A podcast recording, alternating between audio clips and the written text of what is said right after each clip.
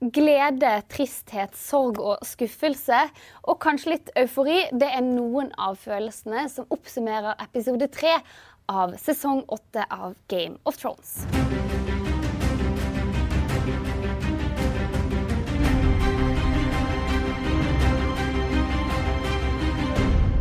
Dette er Tronetid, Dagbladets Game of Thrones-program. Eh, vinteren den falt i Vinterfell, og vi skal gå gjennom alle de mest spennende detaljene fra denne episoden. Men først, kjære seer, skråstrek lytter, for ja, du kan også høre oss som podkast hvis du blir lei av å se på disse tre trynene. Eh, hvis du gjør det, så setter vi også stor pris på om du gir oss noen stjerner og tilbakemeldinger. Og ja, eh, Facebook-gruppen vår Tronetid Dagbladets Game of Thrones-program, den bør du også bli med i for å få alle mulige slags eh, nyheter og eh, ny innsikt eh, om episoden resten av uken også. Og da må vi rett og slett begynne rett på, for The Battle of Winterfell først. Inger Merete, det var kanskje din favorittregissør i Game of Thrones ja. som hadde denne episoden. Ble du fornøyd?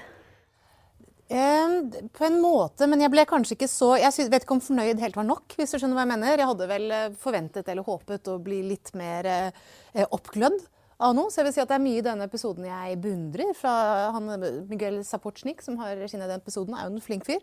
Eh, men så syns jeg også at det var noen områder hvor den skuffet, og hvor den kunne utnyttet mulighetene som var der, litt bedre. Marie Kleve. Ja, jeg er litt enig. Jeg synes det var, det var jo eh, en, Særlig i åpningen så syns jeg at han lykkes veldig godt med å få til den derre mm, det, altså det mørke og det brutale ved hele, eh, ved hele krigsmaskineriet. Og, og, og, perspektivskiftene mellom dem, og hvordan kameraet liksom gikk ned på bakken og fulgte Tyrion, og så plutselig så, så du noen andre karakterer som kom rundt svingen. Og vi følte liksom at vi var Eh, altså vi fikk med oss hvordan alle, alle sammen eh, liksom jobba sammen for å få til, for å møte Nattkongen, og hvordan, eh, hvor tøft de hadde det, hvor vanskelig, hvor redde de var, alle sammen. Mm.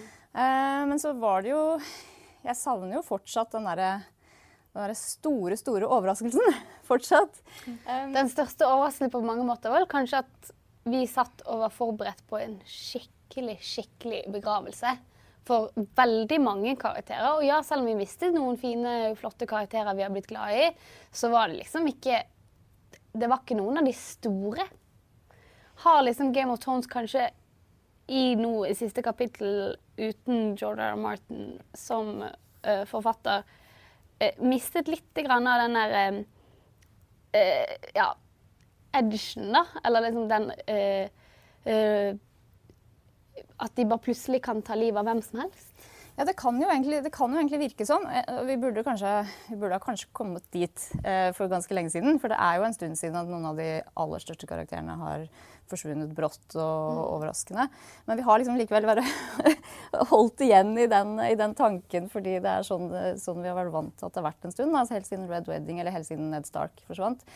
Um, men i denne episoden så fikk vi vel på en måte uh, bekreftet at det ikke er helt sånn lenger, da. Uh, for vi hadde laget oss en, hadde, Mange av oss var jo overbevist om at uh, i hvert fall Brienne skulle forsvinne. Kanskje også Jamie, kanskje til og med John eller Daenerys. Mm. Og så er det jo ingen av de aller største karakterene ble borte. Bortsett fra kan jeg bare kommentere uh, det litt? For jeg er egentlig veldig enig i det som sies her. Og når du tenker på hva var det som Og der, for å først på en litt sånn mørke tone, så syns jeg serien har mistet litt av seg selv. Fordi noe av det som var interessant ved Game of Thrones, var at selv om det foregikk en fantasiverden, en verden som var oppdiktet fra begynnelsen av, så var den på sitt vis veldig virkelighetsnær. Og noe av det som var det virkelighetsnære, det var at i et så brutalt samfunn, der det er borgerkrig, der det er lovløshet, eh, så bryr ingen seg om hvor du er på veien i prosjektene dine. Altså Der kan du bare plukkes ut av dem når som helst. Der kan, altså Rob Stark, ikke sant? Du har bygget opp dette store felttoget, du skal nedover, du skal slåss om, om makten og hevne faren din. Og så plutselig du havner du i The Red Wedding, og der er alt borte. liksom. Alt mm. bare forsvinner som du har bygget opp så møysommelig og så lenge. Eh, Jamie Lannister, altså du bare plutselig irriterer du feil fyr på veien, og så har du en hånd mindre.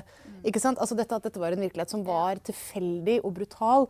Og det du får følelsen av, er at de der brutale tilfeldighetene, de er det jo distinkt færre av. Altså Nå skal jo folk på en måte i havn eh, med sine prosjekter på en annen måte.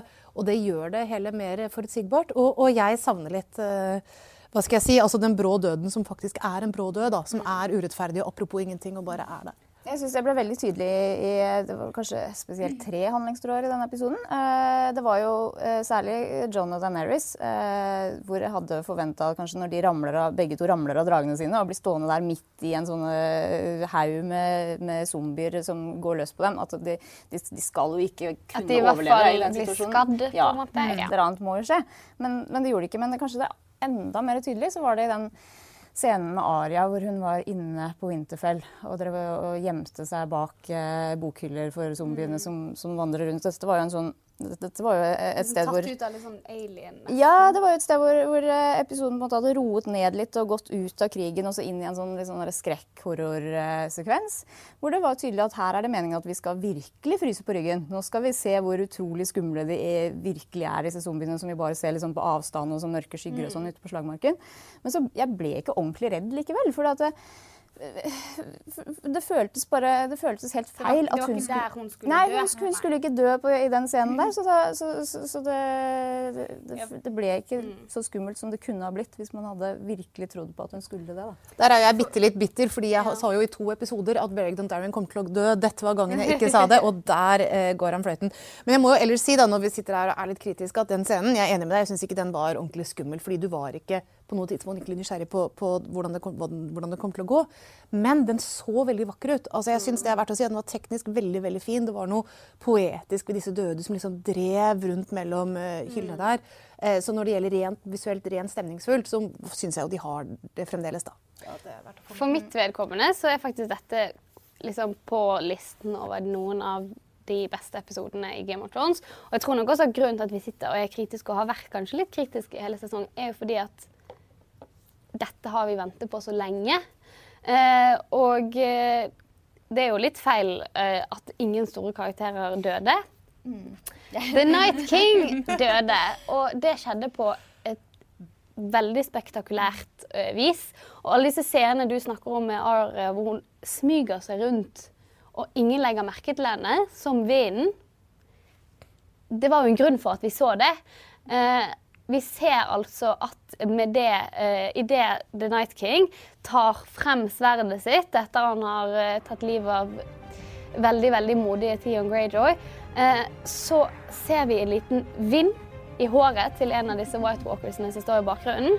Og vips har Aria Stark blitt legdehopper og kommer ut fra skyggen med intet mindre enn våpenet som startet nesten altså, hele The War of the Five Kings, hele liksom Game of Thrones eh, på mange måter. Eh, og så gjøres det da på et ja, mirakuløst eh, flott vis ved at eh, hun får liksom brukt også de fingerferdighetene hun har med i begge hendene. da. Inger Merete, ble du overrasket? Um, jeg tror ikke egentlig jeg ble overrasket over så mye, men jeg syns det var en veldig tilfredsstillende løsning. Jeg syns det var veldig fint at Arja var den som tok livet av, eh, av The Night King. Og jeg syns også det var passende fordi det er så mye i hennes historie som egentlig, som det nå er naturlig å lese at peker frem mot det øyeblikket. da. Uh, det være seg alle, alle de timene med å, å, trene på nettopp denne typen uh, slåssing som hun jo gjør i store deler av denne episoden, men også det å smyge seg rundt og være, være snikmorder. Da. Det er noe med at det er den dolken det er, som vi har fulgt gjennom hele, hele mm. serien. Uh, og jeg synes også, altså Et av mine yndlingsøyeblikk i denne episoden var jo den lille utvekslingen med eh, Melisandre. Og hvor hun bl.a. sa Det skal vi komme tilbake okay. til om litt. For jeg må bare avbryte. fordi at uh, Apropos dette med at sjokk og uventet. så Eh, hadde vi en liten meningsmåling i Facebook-gruppen vår igjen eh, i går. Eh, hvor spørsmålet var hvem er det som vinner, da. Og det svaret som fikk flest svar, det var at ingen ville vinne, men at de døde ville eh, gjøre det best. Og det var klart flest svar. Så på veldig mange måter så var jo det nettopp overraskende at liksom Åtte år har vi ventet på at liksom, The Night King og uh, The White Walkers og hele sulamitten skulle dø. Uh, og så skjer det bare halvveis ut i sesong åtte. Hva, hva, hva tenkte du da du så dette, Ja, Marie? ja, det er jo, det er jo altså da, jeg var først, da jeg først var ferdig med å se episoden, så var jeg litt skuffa. For jeg tenkte var dette alt vi skulle få. Og så, så, men først, da- den vokste litt på meg da når jeg begynte å tenke litt på det. fordi det er jo det er jo litt fint at det er det som er overraskelsen. Det er jo som du sier, det er én stor karakter som forsvant her brått og uventet, veldig uventet. Og det er jo The Night King. Og det viser jo at, eh, at fortsatt så kan virkelig de som, vi, de som vi tror at ikke skal kunne dø, de kan det Og ingen av oss som trodde at The Night King skulle dø i den episoden. Nei, det Var det nei. Mm, Jeg, Du nevnte det, du nevnte det ikke, så du kan være jeg nevnte det ikke, så jeg kan ikke bevise at jeg tenkte det. Det kan jeg ikke. Men, men vi har jo hintet på at det kunne være Aria som kom til å ta Ja.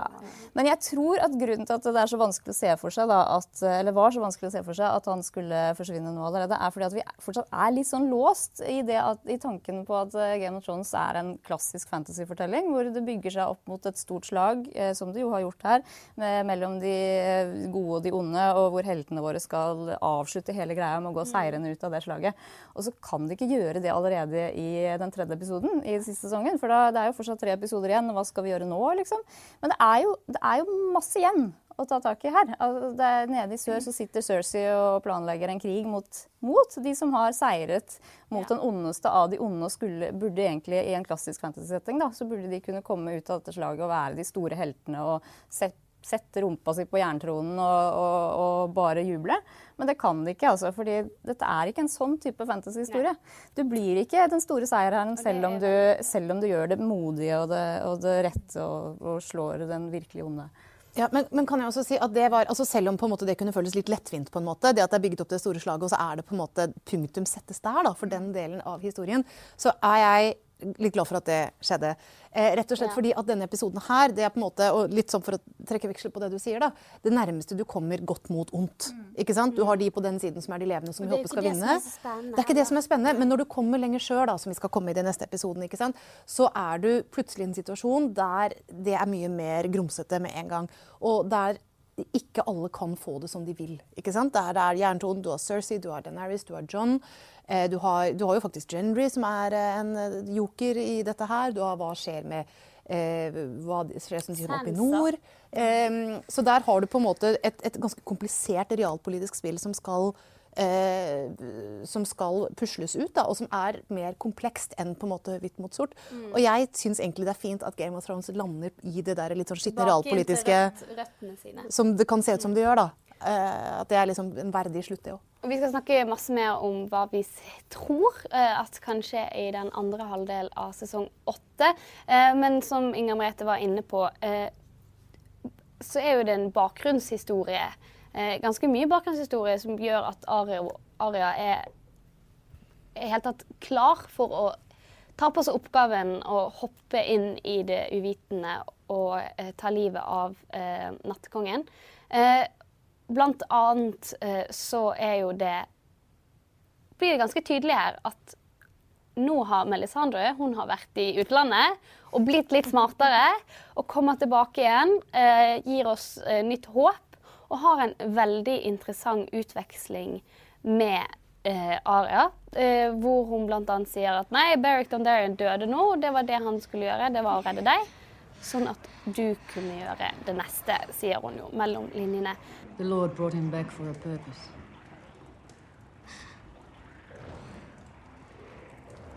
Now that purpose has been served. Eh, du brant inne med noe der. Hva var det du eh, syntes var så spennende? Ja, altså det er jo på en måte hvordan det, det, liksom trekkes tilbake til nettopp at det er sånne små frø fra hele serien egentlig som plukkes opp her. på en måte jeg synes er ganske elegant. Og én ting er jo dette med eh, Berrick, men også når hun sier 'hva sier vi til dødsguden'? Eh, not, today. Og det går jo tilbake til hennes Forever. lærer. ikke sant? Og da hun først begynte å lære å, å traktere et sverd. Og det er en viss sånn poesi i det. da, Og det er liksom tilbake til den derre seige viljen til overlevelse også, da, som ligger her som, en sånn, eh, som et sånt eh, premiss. Og, så jeg syns på en måte hele det Aria Melisandre eh, det med når du sitter, altså det er sånn hvor du kan gå, altså Apropos hva går du og tenker på etter denne, denne episoden. For meg var det noe jeg gikk og tenkte på. Det er at i hvilken grad resten av serien bare har ledet opp til dette, og indirekte fortalt deg at den leder opp til dette. Så det var kanskje noe av det mest eh, Det jeg syns fungerte best. For, ja, det, altså, eh, Daener- nei, eh, Melisandre har jo snakket om The Prince Who Was Promised. Trodde jo først at det var Stannis. Det trodde jo kanskje ingen andre. og det var hun jo heller ikke. Eh, og så har hun snakket om at kanskje Daenerys er det, kanskje John er det, men hun vil ikke være helt sikker lenger. Og det var jo, på en måte, Prince of Us Promised var jo den som skulle ta livet av Eller liksom uh, legge uh, Bring the dawn, altså Uh, ta livet av nattkongen. Og det gjorde jo verken Daenerys eller John, men Arya, hva tenker du eh, når, du når denne profetien på en måte ikke går i eh, oppfyllelse? Ja. Nå, nå skal jeg prøve å være litt sånn etterpåklok, akkurat samme som jeg mistenker at Melisandre kanskje var. Altså Ja. si at jeg har, egentlig noen, gang- eller jeg har egentlig ikke hatt så veldig stor tro på at den profetien skulle komme til å gå i oppfyllelse. fordi det er en sånn, jeg tenker at det er et sånt lite agn som, som denne fantasyfortellingen eh, legger inn for at vi skal tro at, eh, at dette er en type fortelling hvor profetier skal gå i oppfyllelse, så gjør de ikke nødvendigvis det. Med mindre man da tenker seg at jo, jo Aria var Det var Aria som var eh, Azor Ahai Reborn, og, og den lille dolken var Lightbringer og sånn. Man kan jo, man kan jo eh, hvis man eh, skulle være litt religiøs, så kan man jo liksom klare å tenke seg at, eller få det til å passe inn i verdensbildet sitt på et eller annet vis. Men jeg tenker vel kanskje at episoden viser at, eh, at eh, vi skal ikke stole for mye på sånne profetier. Og det var ikke så innmari mye Melisandre egentlig eh, klarte i den episoden, bortsett fra å sette fyr på noe sverd. Hun, det kan se ut som hun har visst hele tiden at Aria skulle være det, den som skulle gjøre dette her, men har hun jo egentlig gjort det? Men Hun kanskje hun, det hun gjorde, var bare å liksom dytte Aria det siste lille steget ja. hun trengte. For hun var jo Vi så jo hvor redd hun var. Eh, og for å sitere eh, Ned Stark i sesong én, eh, så snakker Eller er det Rob? Jeg husker ikke. Nei. Eh, eh, eh, det er i hvert fall Bran spør enten Rob eller Ned, nå husker jeg ikke helt. Men kan man være modig når man er redd? Og så svarer en av de da, jeg tror kanskje det er Ned. Det er bare da du kan være modig, når du er redd. Og det er jo akkurat det hun beviser her. Og der er du inne på noe av det som jeg sitter kanskje mest igjen med etter denne episoden. At den viser jo så tydelig hvor redde alle sammen er. Eh, både også Aria og, Sam spesielt, men også alle disse store krigerne som, som burde være vant til grufulle ting. Eh, og, og det er den der håpløsheten som ligger så tjukt utenpå dem hele veien. Og du ser at det bare, når de tar, når de tar en haug med, med zombier, så bare strømmer det på med nye, og så plutselig så, så, så løfter natt, nattkongen armen, og så våkner de døde vennene deres til liv og blir zombier, og det tar liksom aldri slutt, og det ser ut som de er i ferd med å gi opp. Og så ordner det seg likevel, og, og det er ikke fordi at det Du kan kanskje du kan se det fra den vinkelen at det var én person som, som gjorde noe heltmodig, og, og det var det. Men det var jo ikke bare én person som gjorde det. Altså, det er jo et kjempestort lagarbeid. Alle sammen, alle sammen gjorde viktige ting. Eh, og- og Om en av dem hadde svikta, eller en av dem hadde som satt seg på rumpa og tenkt at nå er det stopp, sånn som, sånn som Sander Clegane gjorde på et tidspunkt, da han ble dratt i gang igjen. Altså, hvis han ikke hadde blitt dratt i gang igjen da, så hadde kanskje ikke Aria nådd fram Nei. Eh, og klarte Og det stoppe var men Melisandre han, må, må visst, han måtte visst noe, da. For det hun sier jo til Davos når han kommer og bare sånn Der er den jævla bitchen som tok livet av min eh, BFF. Uh, hun skal dø for det hun gjorde. Uh, og så sier hun nei, men det er ikke noe vits i, for jeg kommer til å dø før det blir daggry. Og når med en gang dagen gryr, så tar hun altså dette her eh, halvskjedet og blir en gammel dame som plutselig nå er veldig døende, da, og dør med en gang.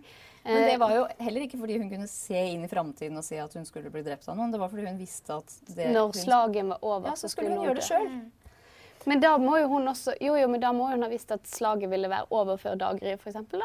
Ja, eller at hun visste at hun ville Hun har jo sett et eller annet i flammene. Ja, men, men apropos det du sier, jeg syns egentlig det også er altså, Er disse profetiene sanne eller ikke? Jeg, altså, jeg, kommer si det, altså, jeg syns absolutt den siste scenen og de første 18 minuttene var de to tingene jeg kanskje eh, syns fungerte best liksom, sånn som, som partier her. Og det med at den sluttscenen sånn sett er ganske fin og litt sånn lyrisk, det er jo at når hun sier det, jeg kommer til å være død før daggry, eh, så høres det ut som en del av de profetiene hun alltid snakker om. Men det det jo faktisk er, er jo et selvmord. Ja. Eh, altså det er noen som rett og slett har bestemt, for, bestemt seg for at dette kan ikke jeg leve med. Eh, det, det som har skjedd. da.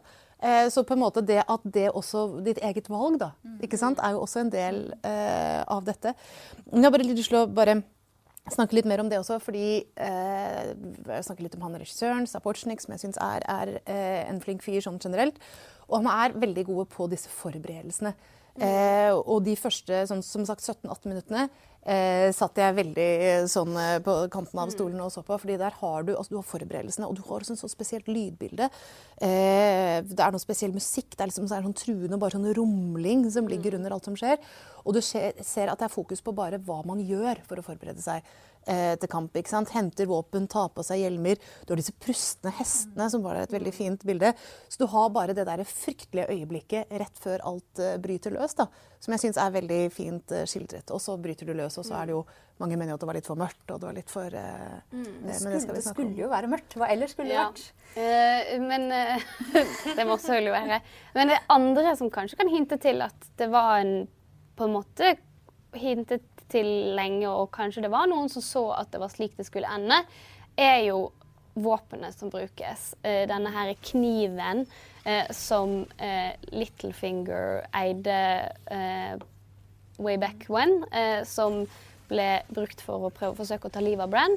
Eh, og som Bran får av Littlefinger i sesong syv, og så gir han den videre igjen til Arya. Eh, mens han sitter under treet sitt og er sitt sedvanlige merkelige jeg. Eh, kan Brenn ha forutsett noe Ja. sånt? Og det er også her hvor fortellingen leker litt med alle disse teoriene vi, vi driver og lager oss. Fordi det kan, det kan se ut som dette var forutbestemt, fordi det er så perfekt eh, Ringen blir sluttet så perfekt eh, med, denne, med den kniven som har vært med helt siden starten, og som blir brukt til å ta nattkongen med til slutt. Men så er det når alt kommer til stykket, så var det jo bare en kniv, som riktignok var av uh, valyrisk stål og pyntet med drageglass, og, så den var jo magisk på alle måter, og av det stoffet som kunne ta livet av nattkongen. Men det var jo bare én av veldig mange slike våpen som de hadde. Og det også syns jeg var så fint, da, fordi det viser jo at, at selv om vi har sittet her og vurdert masse teorier og tenkt liksom, hvordan er det det skal være i liksom, fantasyhistorier, og det må være, fungere sånn og sånn fordi da stemmer den og den profetien. Men når alt kom til stykket, så var det det eneste som skulle til. Det var en jente som uh, Stick him with the point igjen, som hun lærte helt til første, første episode, var det vel. til- Som hun også siterte her sånn. Det var det som skulle til. The Night King døde altså. Eh, De levende vant eh, slaget om Winterfell. Eh, Og det så jo fryktelig mørkt ut på et tidspunkt, så det måtte jo på en måte, hvis noe i hele tatt skulle komme levende ut av det, så måtte det jo det skje en aria-vri på et eller annet tidspunkt. Ble vi imponert over slaget? Det er jo fantastisk flott å se på. Men kunne det kanskje vært gjort litt annerledes? Eh, Ja og nei, vil, jeg si. Altså, det, er, det er mange sider du, som jo er, er imponerende, helt så nesten sånn objektivt, objektivt sett. Og dette er jo selvfølgelig veldig krevende scener, for det er masse masse, masse folk. Og det skal være forvirrende, men det skal ikke være så forvirrende at det bare er et kaos. ikke sant? Du skal ha sånn noenlunde oversikt over hvor eh, de forskjellige befinner seg, samtidig som det skal være fart og action. Og her ser du den der vekslingen. ikke sant? Du har disse nydelige oversiktsbildene hvor du ser folk som marsjerer hit og dit, og disse formasjonene. ikke sant?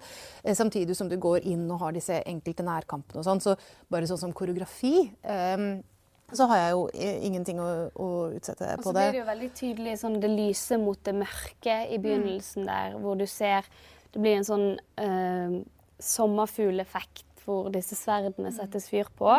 Eh, og det blir eh, Og du, de ser, du ser ikke motstanderen i det hele tatt før de plutselig er oppe i trynet ditt. Eh, ja. Ja, nettopp det. Og, men, og så har du jo sett det at det er, det er noen allerede som har bemerket at det var veldig mørkt. Jeg vet ikke, Hva tenkte dere om det? Ja, altså eh, Internett eh, har jo kokt over av diverse tweets om at eh, man så jo ikke hva som skjedde. Eh, selvfølgelig, som Marie sa eh, i sted, det skal være mørkt. Eh, det er jo midt på i, eh, ute i villmarken eh, midtvinters midt på natten. Da kan det jo selvfølgelig ikke være fryktelig lyst. Men det, det har jo dessverre også en sammenheng med at strømmekvaliteten til HBO ikke er all verdens. Det har vært påpekt av flere allerede denne sesongen. Og det er jo litt synd når eh, kanskje tidenes største TV- og filmslag foregår, og så ser du ikke alle de detaljene som er brukt millioner av millioner av kroner på. Man, ja, man, kan jo, man, kan jo, være litt lei seg for at vi ikke ser dette på et filmlerret. Og sånn sett så er det jo kanskje en seier for alle de folka som, som, som er litt sure for at, nå, for, for at, veldig mange av oss nå begynner å sitte hjemme og se på strømmetjenester på TV-skjermen istedenfor å gå på kino. Men samtidig så så syns jeg jo at det, det, det, skal jo være mørkt. Det skal være, fordi det, det, skal få fram det dystre og det brutale i det at du rett og slett har ikke så lett for å se hvem som er venn eller fiende når du er nede på slagmarken der. Det skal være, skal være kaotisk. Mm. Du, du, skal ikke ha så god oversikt.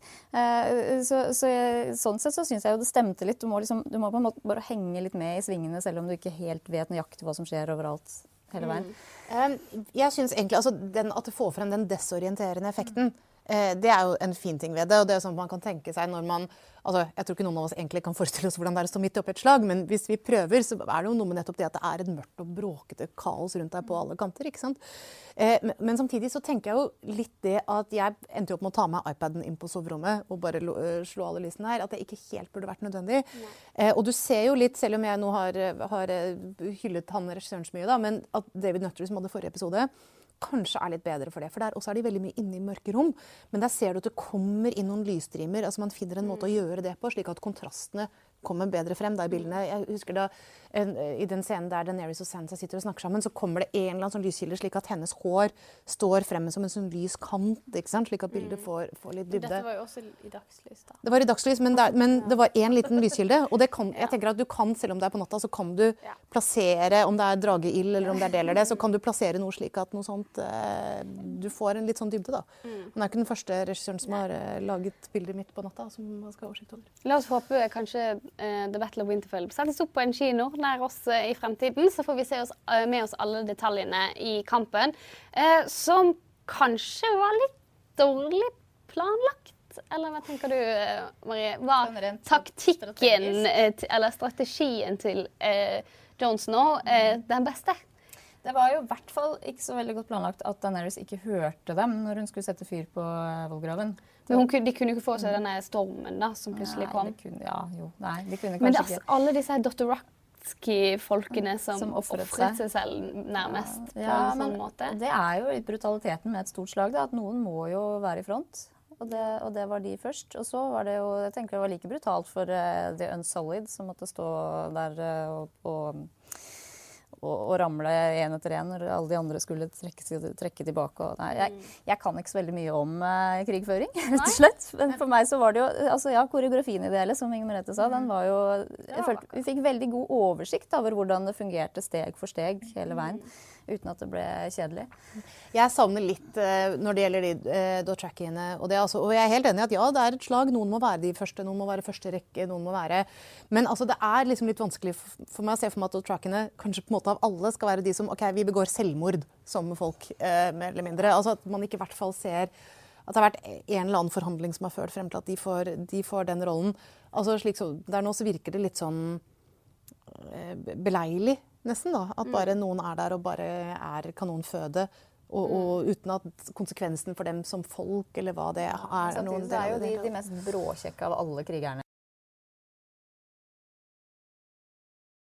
I stallen mm. til Daenerys, for å si det på den måten. Så hvis noen skulle sagt ja da, det klarer vi nok, så, så er det jo mm. dem. Og Det var også en fin effekt, altså det med at de rir frem med disse. Det var jo på en måte forutsigbart, men det var fint likevel. tenker jeg, At du ser den slaget de andre står og ser på det langt borte pent, fra Pent å se på og veldig nifst å se på. Ja, og se lysene forsvinne i horisonten. Eh, noe av det som jeg bet meg merke til eh, i de første minuttene, var jo også at det var veldig sånn Du fikk jo egentlig håp når du ser hvor mange John faktisk har klart å samle seg bak den mm. eh, saken sin. da.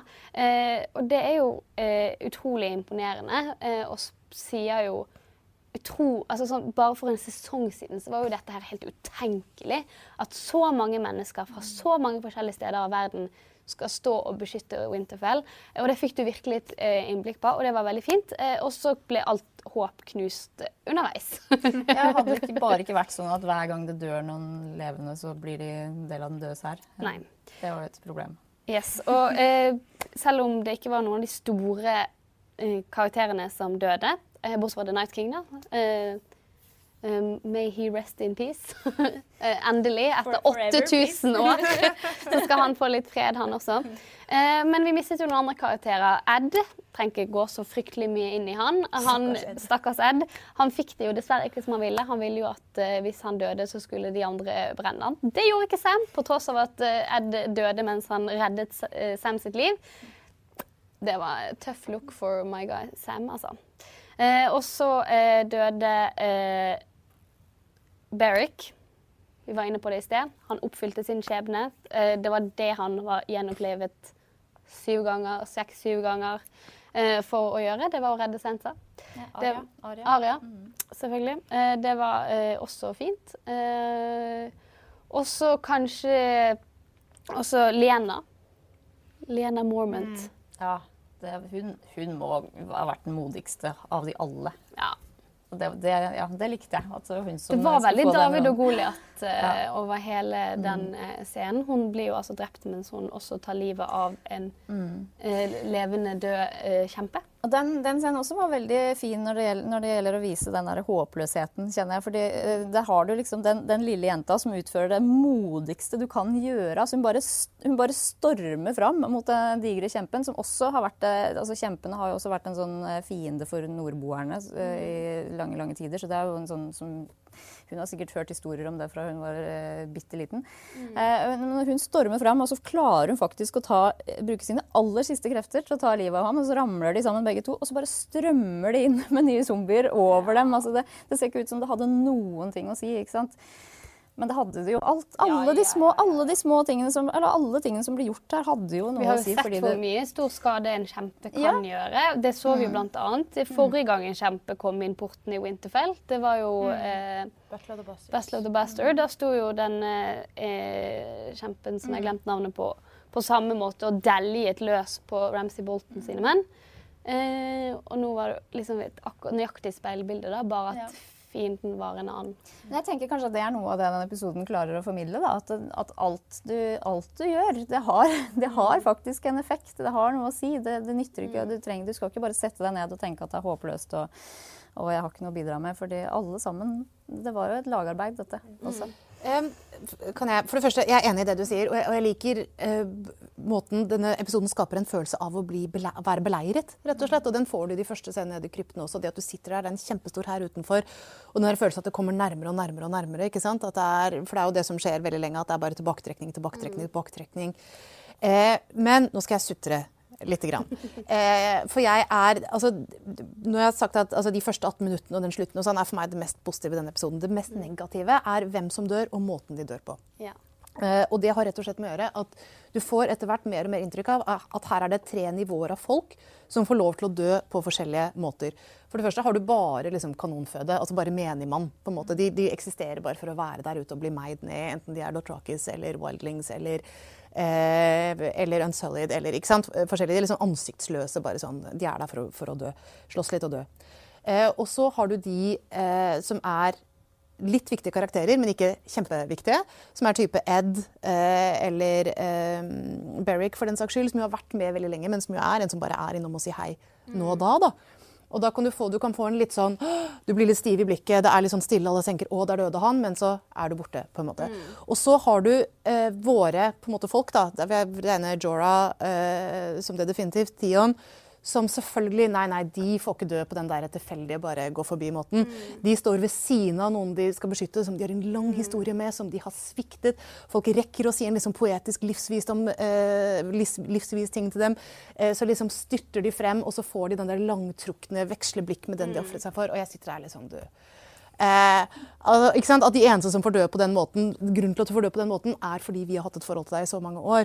Og, og for meg går det altså litt tilbake til det jeg sa det går litt mot den der Game of Thrones-etosen. Det at skal, det skal ikke være så banalt, liksom. Det skal ikke være så, så klisjéfylt at du får den der at du kan si at den og den karakteren kommer til å dø i armene eller rett foran en person de har et forhold til.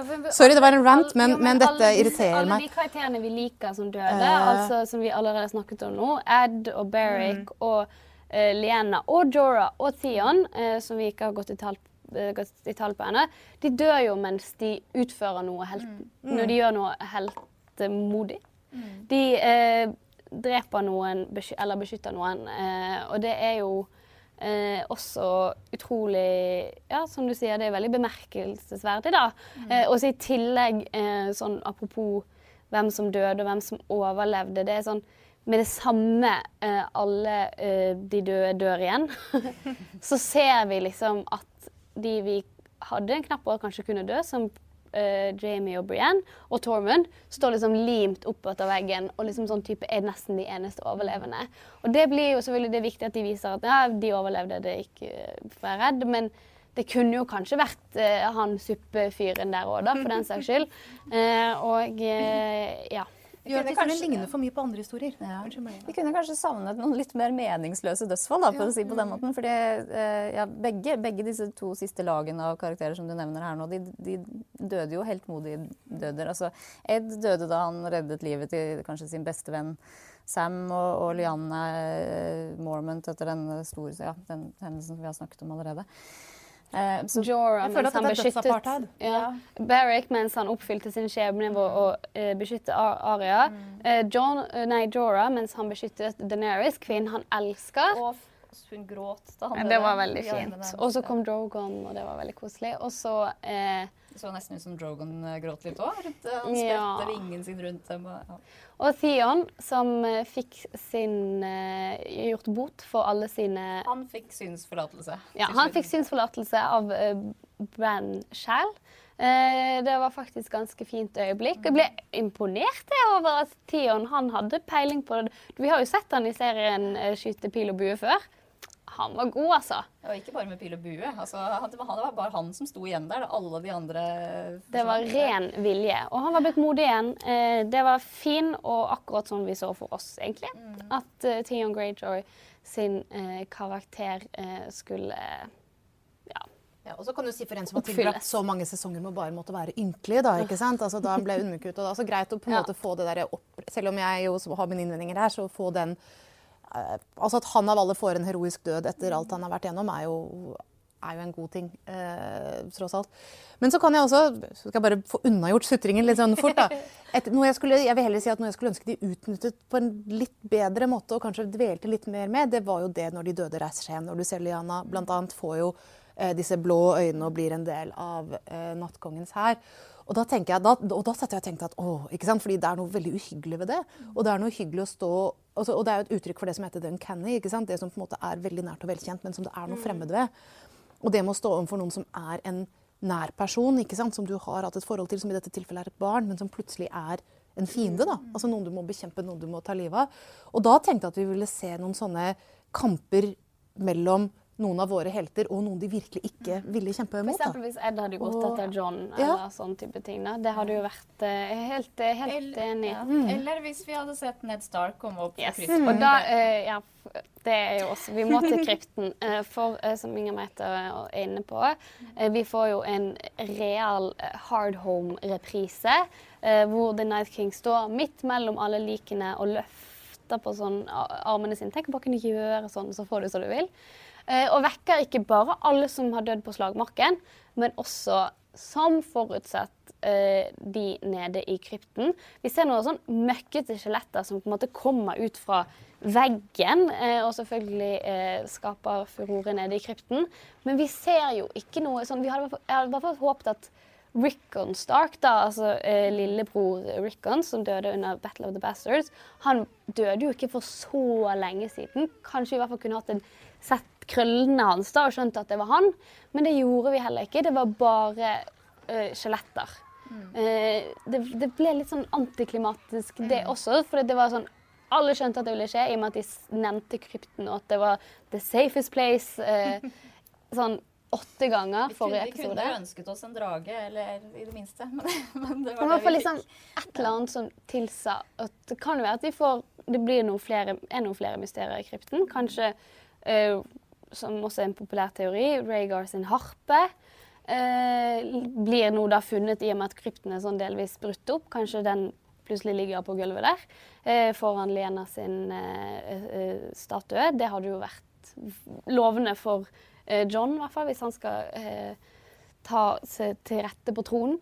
Ehm, men mens dette pågår, da, og de døde står opp eh, nede i krypten, og John plutselig er omringet, eh, så skjer det to fine øyeblikk. Eh, det ene det er den, at eh, Deneris redder John med Drogon og tar livet av absolutt alle. Han står jo plutselig mutters alene på slagmarken der, eh, som han har en tendens til å gjøre. Og, eh, men får da hjelp ovenfra.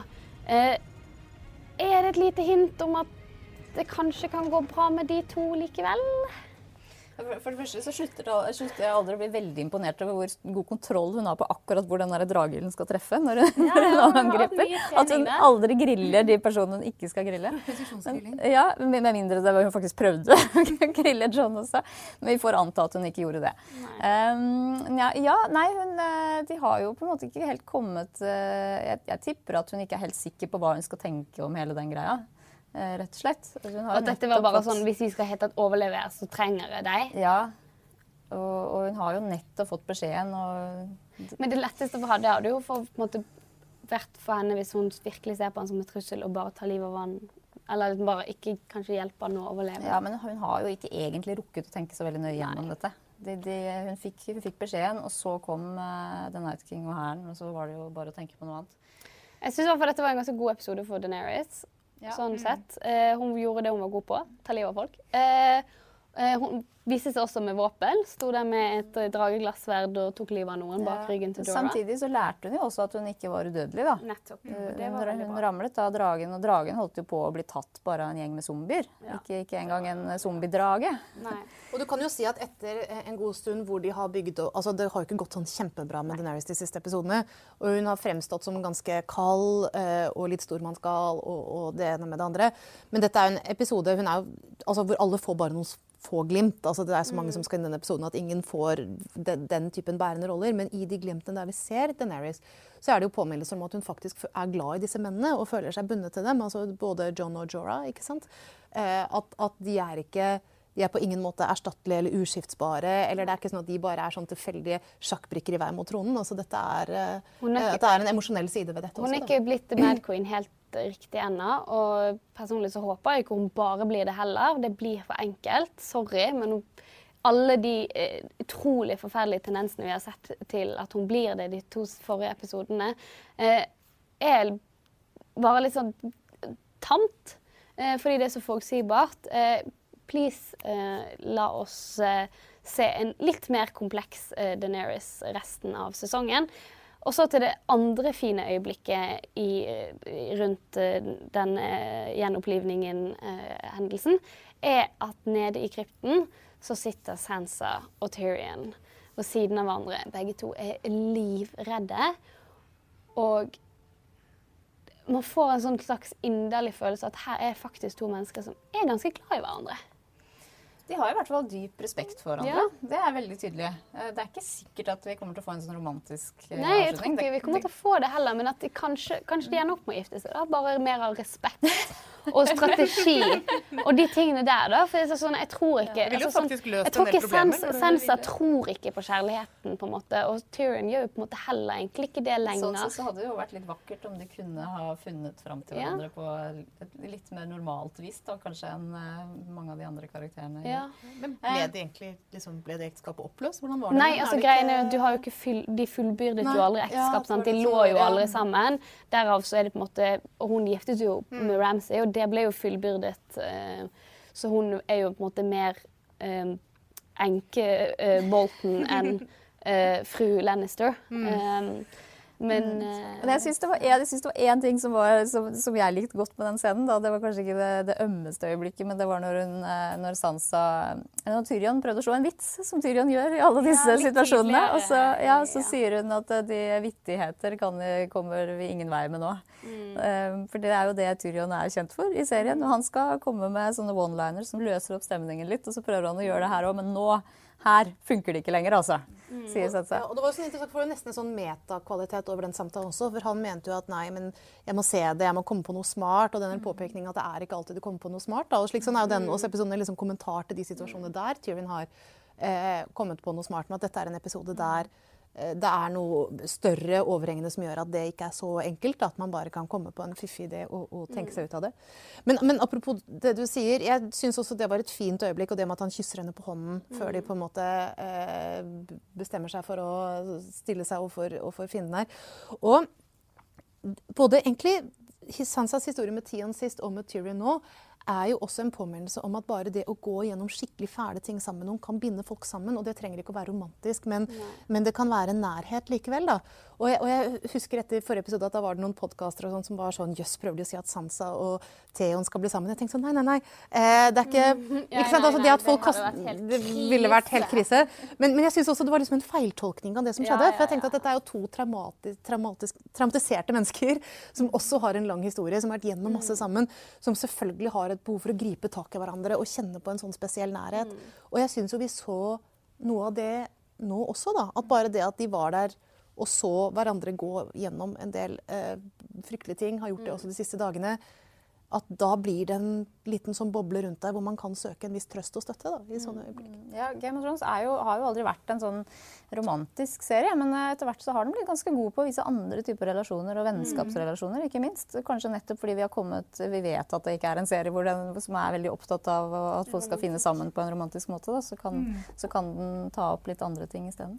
Eh, det er i hvert fall eh, Jeg håper i hvert fall at det kan bety at vi eh, At dette forholdet mellom Sansa og Tyrion på en eller annen måte kan stabilisere konflikt, en eventuelt konflikt mellom John og Daenerys. Eh, det hadde i hvert fall ikke vært så dumt, i og med at dette er to av de smarteste menneskene i serien.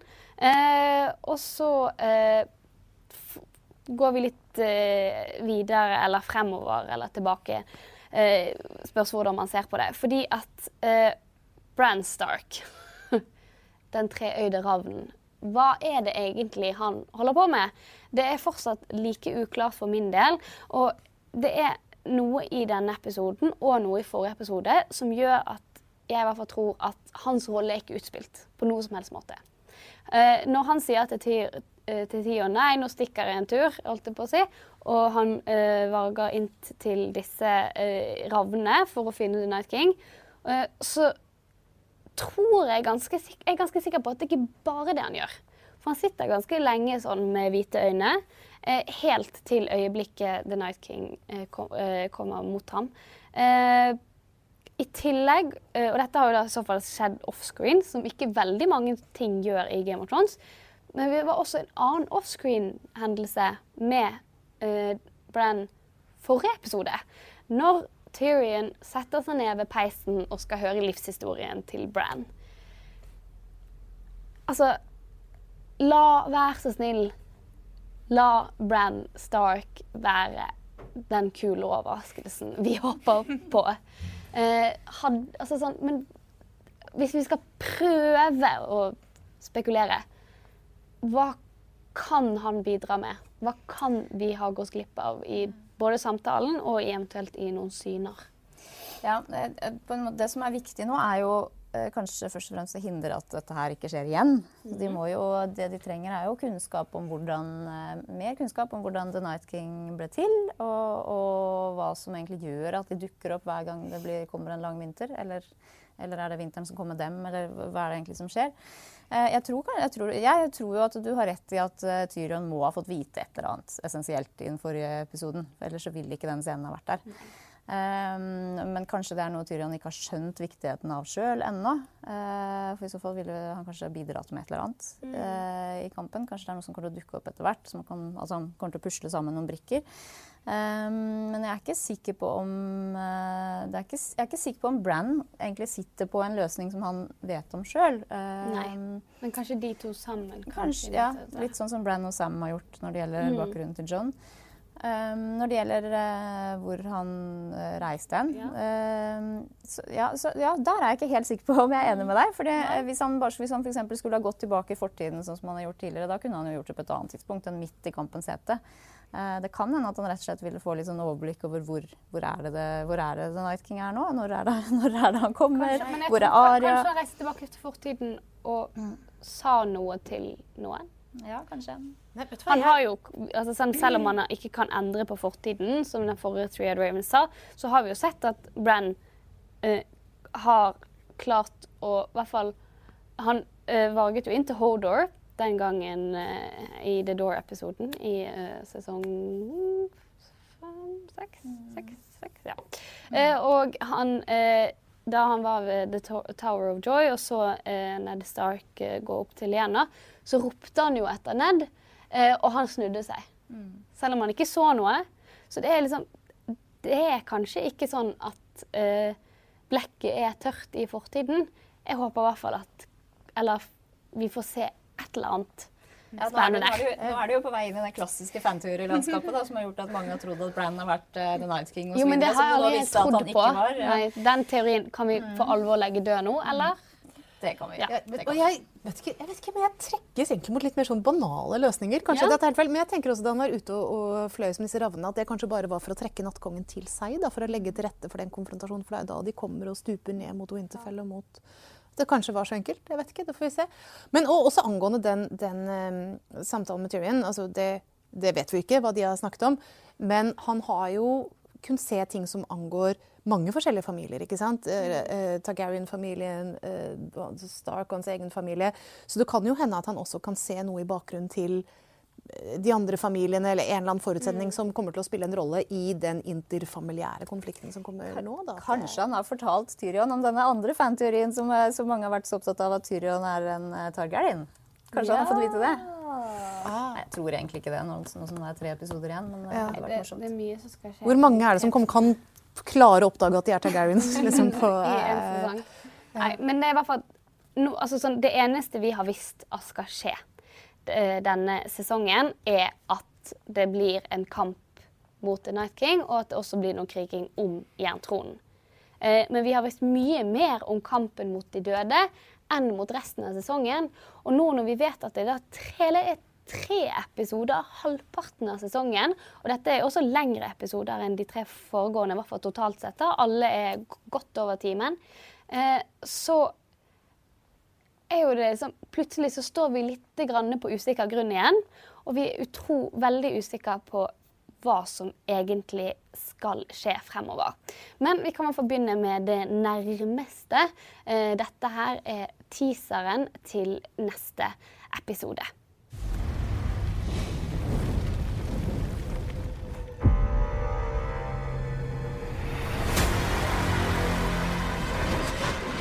We have won the Great War. Now we will win the last war.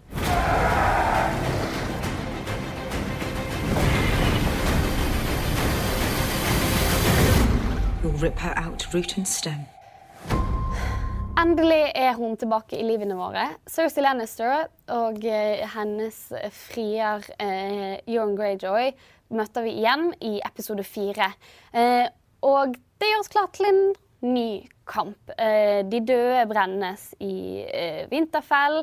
Vi ser at heldigvis så overlevde både Regal og eh, Ghost.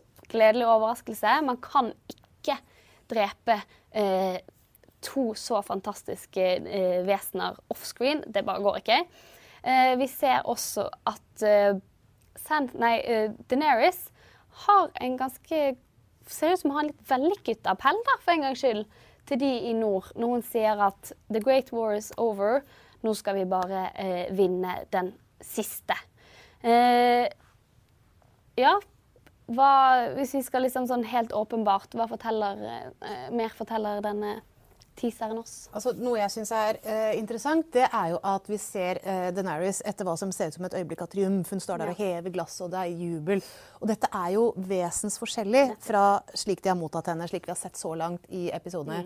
Eh, og, og hvis det er tilfellet, så kan det hende at vi rett og slett har sett et skifte her. Altså at før så var eh, altså at lojaliteten mot John har blitt mindre og mindre. Litt ettersom han er, altså nå, Ja, han kom med alle disse hærene og fikk brakt eh, hele den alliansen sammen. Men har jo også vist seg for, for å ha en og annen mangel eh, som strateg på slagmarken, kan man jo si. Og hadde han i hvert fall drept The Night King, da, som han ikke ender på å gjøre, så hadde han i hvert fall vært en helt, da, men nå ikke han det heller. Ja, så Det kan hende at det er en liten sånn, altså enten de vil eller ikke, at det er en litt sånn vippehuske mellom dem, og at eh, folk begynner å gi sin tilslutning til Deneris, og det vil jo nødvendigvis gå på bekostning av, av Johns autoritet. da, og det er litt det vi ser i begynnelsen. Og det ser vi også litt sånn småbekymret senser. Hun er veldig god på å se bekymret ut, hun også. Begynner å ta fra eh, ikke broren, men eh, fetteren. Eh, og moren. eh, og så eh, ser vi eh, at eh, Cersei ser blid og fornøyd ut. Ja, det var jo en som gikk ned på kne foran henne, til og med. Mm, det var jo det- Euron. Ja. Det, ja, det kan bli spennende. Eh, nei, hun har vel fått med seg da, at de har vunnet slaget uten at hun har trengt å være med. Men Og hun vil jo mye heller møte de levende enn de døde. så klart, så for henne så er jo dette her et, eh, det beste resultatet hun kunne håpe på. Og de har mistet alle Dr. Rockiene. Dragene er i hvert fall om de lever, så de er i hvert fall skadd. De er ganske sårbare nå. Jeg vil tro at Cersei har den største styrken ja. p- p- med ganske god margin. Eh, så hun ligger veldig godt an. Eh, og sånn sett så blir det jo veldig spennende framover. Eh, vi kan ikke Nei, det er veldig vanskelig å si hva som kommer til å skje, rett og slett. Det er noen løse tråder. Eh, For det første, hvis vi begynner eh, bare med det åpenbare som vi vet kommer til å skje, eller vi vet i hvert fall her er det noe som er uoppklart og start på i denne sesongen. Bronn han ble jo sendt nordover for å ta, gjøre, eh, ta seg av restene, eh, bokstavelig talt, etter eh, slaget om Winterfell. Altså, eller mer bestemt Jamie og Tyrion. Eh, vi har jo snakket om at eh, vi ikke er helt sikre på om han faktisk kommer til å ta livet av både Tyrion og Jamie, eller forsøke. Eh, men tror vi kan se han allerede i neste episode. Ja, jeg håper at vi Jeg har savna han litt, så jeg håper Ja. det. Det er i hvert fall en tråd vi må Altså jeg tror at nå har den, det, Siden de plantet den så Ja. ekstremt tydelig, da, og så åpenbart gikk det litt tid før vi fikk se noe mer av den, så tenker jeg at nå må de minne oss på at den fins. Altså om ikke det får Vi ser akkurat hvem som eh, dreper hvem. Men jeg må jo si også at noe av det jeg på en måte er litt glad for, selv om jeg faktisk eh, tippet at Jamie kom til å dø denne episoden, tok feil. Det er egentlig, egentlig veldig fornøyd med å ha tatt feil der. Fordi det gjør jo også at hele det spørsmålet om hvem som kommer til å stå overfor Cersei i den uunngåelige dødelige konfrontasjonen som kommer der på et eller annet tidspunkt, det er jo blitt mye mer åpent. Og det er jo egentlig litt morsommere, da. Samtidig så har vi også fått altså denne troen på profetier har jo fått et slag for baugen. Så skal vi fortsatt tro at det er en lillebror som skal ta livet av henne. Ja, eller en lillesøster. Kanskje Aria får krysset av nok et navn på listen sin. Eh, det hadde jo også vært eh, fint. Eh, men stort, eh, store spørsmålet Overlever Cersei tre episoder? Ja, jeg tror de kommer til å holde på henne ganske lenge. Jeg tror hun er en sånn så sterk antagonist at uh, Altså Jeg tipper i hvert fall til nest siste eller siste episode. Ja, jeg er litt enig der, for nå har jo Cersei uh, overtatt rollen fra Nattkongen som, uh, den, som fiende nummer én. For, for ja, den, den fienden til det gode. Og det er absolutt ikke sikkert at dette her er en serie hvor de gode kommer til å gå av med seieren. Kanskje det rett og slett blir sånn at hun får viljen sin. Og, og fordi det akkurat nå så kan jo det se ut som den mer realistiske løsningen, da, med tanke på størrelsen på hærene osv. Jeg har jo for jeg lurt, lurt litt på om de kommer til å for sånne ting som Elaria Sand hun lever jo for eksempel fremdeles. For hun skulle jo holdes i live og sitte nede i fangehullet der og se på datteren død. Tror du de kommer til å hun er død, altså. Ja. Jeg tror hun datteren er sultet i hjel for lengst. altså. Ja, men Datteren ble jo forgiftet, men hun skulle jo, det var jo Cerseis plan at hun skulle holdes i live og sitte der og se på at uh, Datteren råtner. ja. Jeg tror vel også at hun er ute nå, fordi det var en sånn perfekt avrunding av hennes, Hennes- handlingstråd. Eh, men eh, det kunne jo vært eh, artig vri å hente henne inn igjen, absolutt. Eh, det som eh, eh, også nå, eh, man også nå lurer på, er jo om eh, Vil man også bruke noen av de Vil f.eks. kanskje Cersei bare overleve én episode, kanskje en og en halv, og så vil den gjenværende eh, krigen være mellom John og Daenerys. Og en av grunnene til at det kan virke plausibelt, er at begge dragene overlevde. Fordi at nå har både John og Daenerys hver sin drage. Og ja, selv om Daenerys er dragemamma, så er jo har jo liksom historien fortalt oss at drager er mest lojale overfor den som rir de. Eh, der kan jo det bli en skikkelig eh, dance uh, of dragons. Ja, vi, ja det, Kan det, kan, det, kan det være avslutningskapitlet, og ikke det vi tror. Det er Ja. så mye som skal skje. George R. R. Martin er jo veldig glad i gjentagende historielinjer i sin egen fortelling. Og, og, og vise at vi alle liksom kommer utenom det hjulet som, som ruller og ruller og, og, ting, og prøver å unngå ting, og så skjer det igjen og igjen. Og The Dance of the Dragons er jo en sånn stor Targaryen-borgerkrig som skal ha skjedd langt tilbake i tid, og som av og til eh, refereres til i bøkene. Og sånn sett så så hadde jo det vært eh, en, en artig vri om det var det som skjedde, men jeg er ikke sikker på om det er kanskje litt urealistisk at John skal klare å bli en såpass god dragerytter. At han skal kunne ta opp kampen mot mammaen til dragen. Ja. på, på, med mindre vi gjør et veldig hopp i tid, da. Går på stefar med en gang. Ja. Men eh, noe jeg også syns, hvis vi skal ta teaseren da, og legge til grunn for dette altså Du ser jo uh, Aria, også fremdeles eh, finne tilbake til sitt romantiske jeg da, i et kort lite, lite eh, glimt der. Og én ting er at, eh, at ja, ja, det er koselig og sånn, eh, men så er det litt hva det også betyr for hvordan dette kommer til å ende. da, fordi eh, altså, På en måte kan man jo se for seg at det å prøve å få tak i jerntronen er litt som å søke om boliglån. Det er litt bedre å være to enn å være én. Eh, og det at en eh, Stark Baratheon, selv om han er eh, en bastard, da, en, en kombinasjon av de to Eh, nå tror jeg kanskje ikke at, at eh, det nødvendigvis er målet for de to, men det er jo noe med at bare det at de har den bakgrunnen de har, gjør at de to sammen kan være en ganske formidabel kraft. da. Eh, Nå som hun er den store krigshelten. ikke sant? Og eh, vi vet jo ikke hva som vil skje med med Nord heller. Eh, kanskje til og med Sansa vil være det sterkeste kortet til å sitte på troen på slutt. Kanskje det samme med Tyrion, da. Hvis John og Daenerys ja. Men poenget er i hvert fall at eh, vi vet at mye av det vi visste skulle skje denne sesongen, har jo allerede skjedd. Eh, og det etterlater mye rom for forhåpentligvis mange overraskelser de neste tre episodene. Og en av de overraskelsene du håper på, Marie, det er hintet kanskje litt til. eh, I eh, intervjuet med eh, regissøren av eh, dagens episode. Og det er at det er også laget et helt nytt sett. I tillegg til at de har bygget Winterfell på nytt. Eh, mye større og eh, flottere enn tidligere. Eh, hvor og hvor kan dette settet være? Jeg vet jo hva jeg håper på, og så er det hva jeg tror kan skje. Ja. Det er jo litt to forskjellige ting, dessverre. Det er jo ja, det er noen steder i Westeros som, jeg, som vi ikke har vært innom uh, ennå, som jeg virkelig skulle ønske at vi kunne komme innom. Det ene er uh, The Isle of Faces, som ligger i en sånn stor innsjø som heter, heter God's Eye, litt sånn på midten av Westeros. Uh, Som er dette mystiske stedet hvor the, children of the, the Children of the Forest og The First Men inngikk en sånn stor pakt på et tidspunkt som endte krigen dem imellom. som gjorde at de, slo eh, kreftene sine litt sammen eh, eh, noen år seinere. den har vi hørt en del om, og det er liksom masse hemmeligheter som ligger begravet her. Og det skal være, ja, og det skal være en, sånn, eh, en egen orden med The Green Men som driver og vokter de trærne som er der, og all den historien som de kjenner til. Og jeg tror det hadde vært veldig morsomt å komme dit. Jeg tror ikke det kommer til å skje, siden vi ikke har hørt noe særlig om det i TV-serien. Eh, Det andre det er eh, The Neck-området, altså sumplandet som er også liksom på midten av Westerås. Der hvor eh, det såkalte The Cranagmen, eller eh, som familien eh, Reed, Mira Reed bl.a., er en del av, og, og Holan Reed, den gamle venn- vennen til, til Ned Stark. Og Holan Reed er jo en av de som kan være med på å bekrefte han, identiteten til ja, John. han, er jo en var av, han var jo sammen med Ned Stark da han, eh, da han fant John som liten baby, så han vet jo hvem han er. Sånn sett så kunne det vært morsomt om de kom dit. Um, men det, er, Men det mest trolige er eh, det mest trolige er vel kanskje at det er et nytt sånn derre krigs, eh, en ny krigssetting. Kanskje der hvor eh, hæren fra nord møter hæren til Cersei.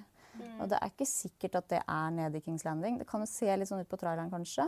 Eh, men vi har jo vært veldig mye i Kings Landing allerede, sånn at de skulle bygge et nytt stort sett der. Det er kanskje ikke så sannsynlig. Så kanskje, kanskje et sted litt lenger oppover. The Riverlands eller noe sånt. The Twins. Vi har uansett et lite håp, og det er jo at det kommer til å være med på vignetten. Det vil jo faktisk være interessant nå som krigen mot nattkongen er over, om de altså Det er vel kanskje litt mye å forvente at de gjør om vignetten en, en tredje gang, eh, men at det ville være interessant å se om de får et nytt fokus da, eh, i vignetten etter dette. Eh, jeg er fryktelig glad i vignetten til Game of Thrones. Jeg sitter helt sånn hypnotisert nesten hver gang og ser på de små tingene komme opp og gå, gå ned og alt det der. Og jeg er jo fremdeles lei meg for den episoden da de var eller, Nei, jo, det var vel i samme episode hvor de var innom både Castle Rock og High Garden uten at noen av de stedene, uten at jeg fikk den lille dukkeversjonen eh, i vignetten. Så hva det nå er, lag den lille mekaniske miniatyrvarianten. Det er alt jeg ber om. Så til episodens eh, høydepunkt. Dødsbingo. Eh, Forrige uke så ba vi eh, dere om å skrive tre navn, helst i riktig rekkefølge, på hvem som eh, skulle dø. Og vi ga også ganske mange dårlige tips på veien. Så på tross av at over 80 stykker har meldt seg på i konkurransen, så var det altfor mange som skrev Grey Worm, som jo tross alt ja, overlevde. Hvem skulle trodd? Eh, og da eh, var det bare to kandidater det sto mellom, eh, og vi har trukket én vinner. Trude, du eh, får eh, en eh, melding av oss snart, og en pakke levert av HBO i posten. Og nå til denne ukens dødsbingo. For vi må jo ha en konkurranse neste uke også.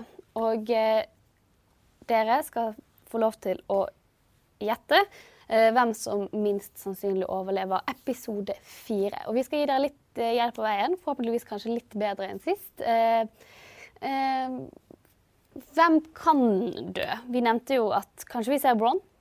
Kanskje det blir et slagsmål mellom Bronn og Jamie og Tyrion. Kanskje i hvert fall en av de kan stryke med. Jeg tror vel kanskje at vi kommer til en, en eller annen slags konfrontasjon. Eller en Ja. eller annen, at vi får en eller annen slags løsning på hva det er Bronn velger å gjøre med det armbrøstet som han fikk.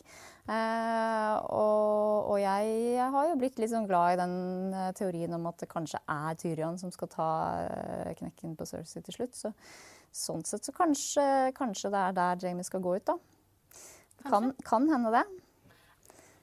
Har du noen velmenende råd til Eh, publikummet? Ja, hvis man skal si Jeg prøvde å tenke hardt på eh, tre navn her. fordi det kan jo faktisk godt hende at eh, neste episode er et litt sånn hvileskjær før man begynner med drepinga igjen. Da, at det er en ny litt sånn stille for stormen før det åpenbart er på vei mot et nytt slag. Eh, men det jeg tenkte er at noe de kan komme til å plassere eh, før da denne slagscenen, er jo den uunngåelige Clegane Bowl. Altså møtet mellom brødrene eh, Clegane, som har ligget i Kjømda ganske lenge. Og vi får vel i det tilfellet altså, hva skal jeg si, Realist i meg sier at Sander uh, ligger litt dårlig an her, men jeg sier likevel at um, Mountain kommer til å dø fordi jeg liker, liker uh, det her. Er spør- spørsmålet er jo hvor levende The Mountain egentlig er. Når det kommer til stykket. Ja, men her folk kan dø flere ganger her. Ja, ja, ja. Det- Tidligere død, ingen hindring. Realist, realisten i meg sier at hvis det blir uh, Clegane Ball, så dør begge. Ja, den er jeg også den er jeg på, jeg òg. Jeg tror begge to går tapende ut av den. Men da har vi noen navn. Eh, vi hadde jo også høye eh, forventninger til at Brienne også kunne stryke med i eh, slaget om Interfell. Det gjorde hun ikke, men kanskje hun det neste Men hvis, hvis, hvis dette skal være helt, helt eller litt, litt realistisk, da, så, så ville vi jo kanskje kunne tenke oss at det noen, har kommet noen dødelige skader i det slaget i, i ukas episode som vi ikke har fått Kanskje Grey Worm, da. Kanskje det er sånn han går ut. Stakkars Grey Hele verden sitter bare er skuffet over at han lever og bare ja, sier håpefullt sånn kanskje i neste episode. Kanskje at, Tormund. eh, Ekstremt imponert over at han også overlevde. Um, men kun tiden vil vise. Vi vet like lite som dere. Vi, uh, bare for å nevne det, vi holder oss unna alle mulige slags lekkasjer eller eventuelt mulige uh, gufne saker ute på interweben. Uh, før vi runder av uh, denne episoden, så har jeg bare lyst til å vise dere en liten ting som jeg kom over på internettet i eh, morgentimene i dag.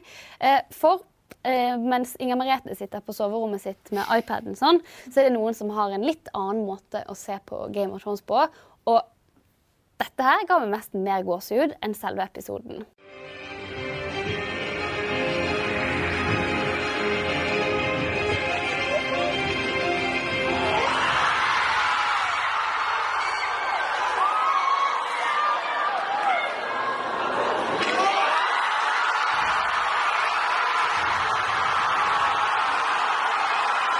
Altså, Om ikke denne scenen, eller disse scenene da, eh, fra Brasil eh, gir oss alle mulige svar på hvorfor Game of Thrones er på mange måter verdens beste TV-serie, så vet ikke jeg.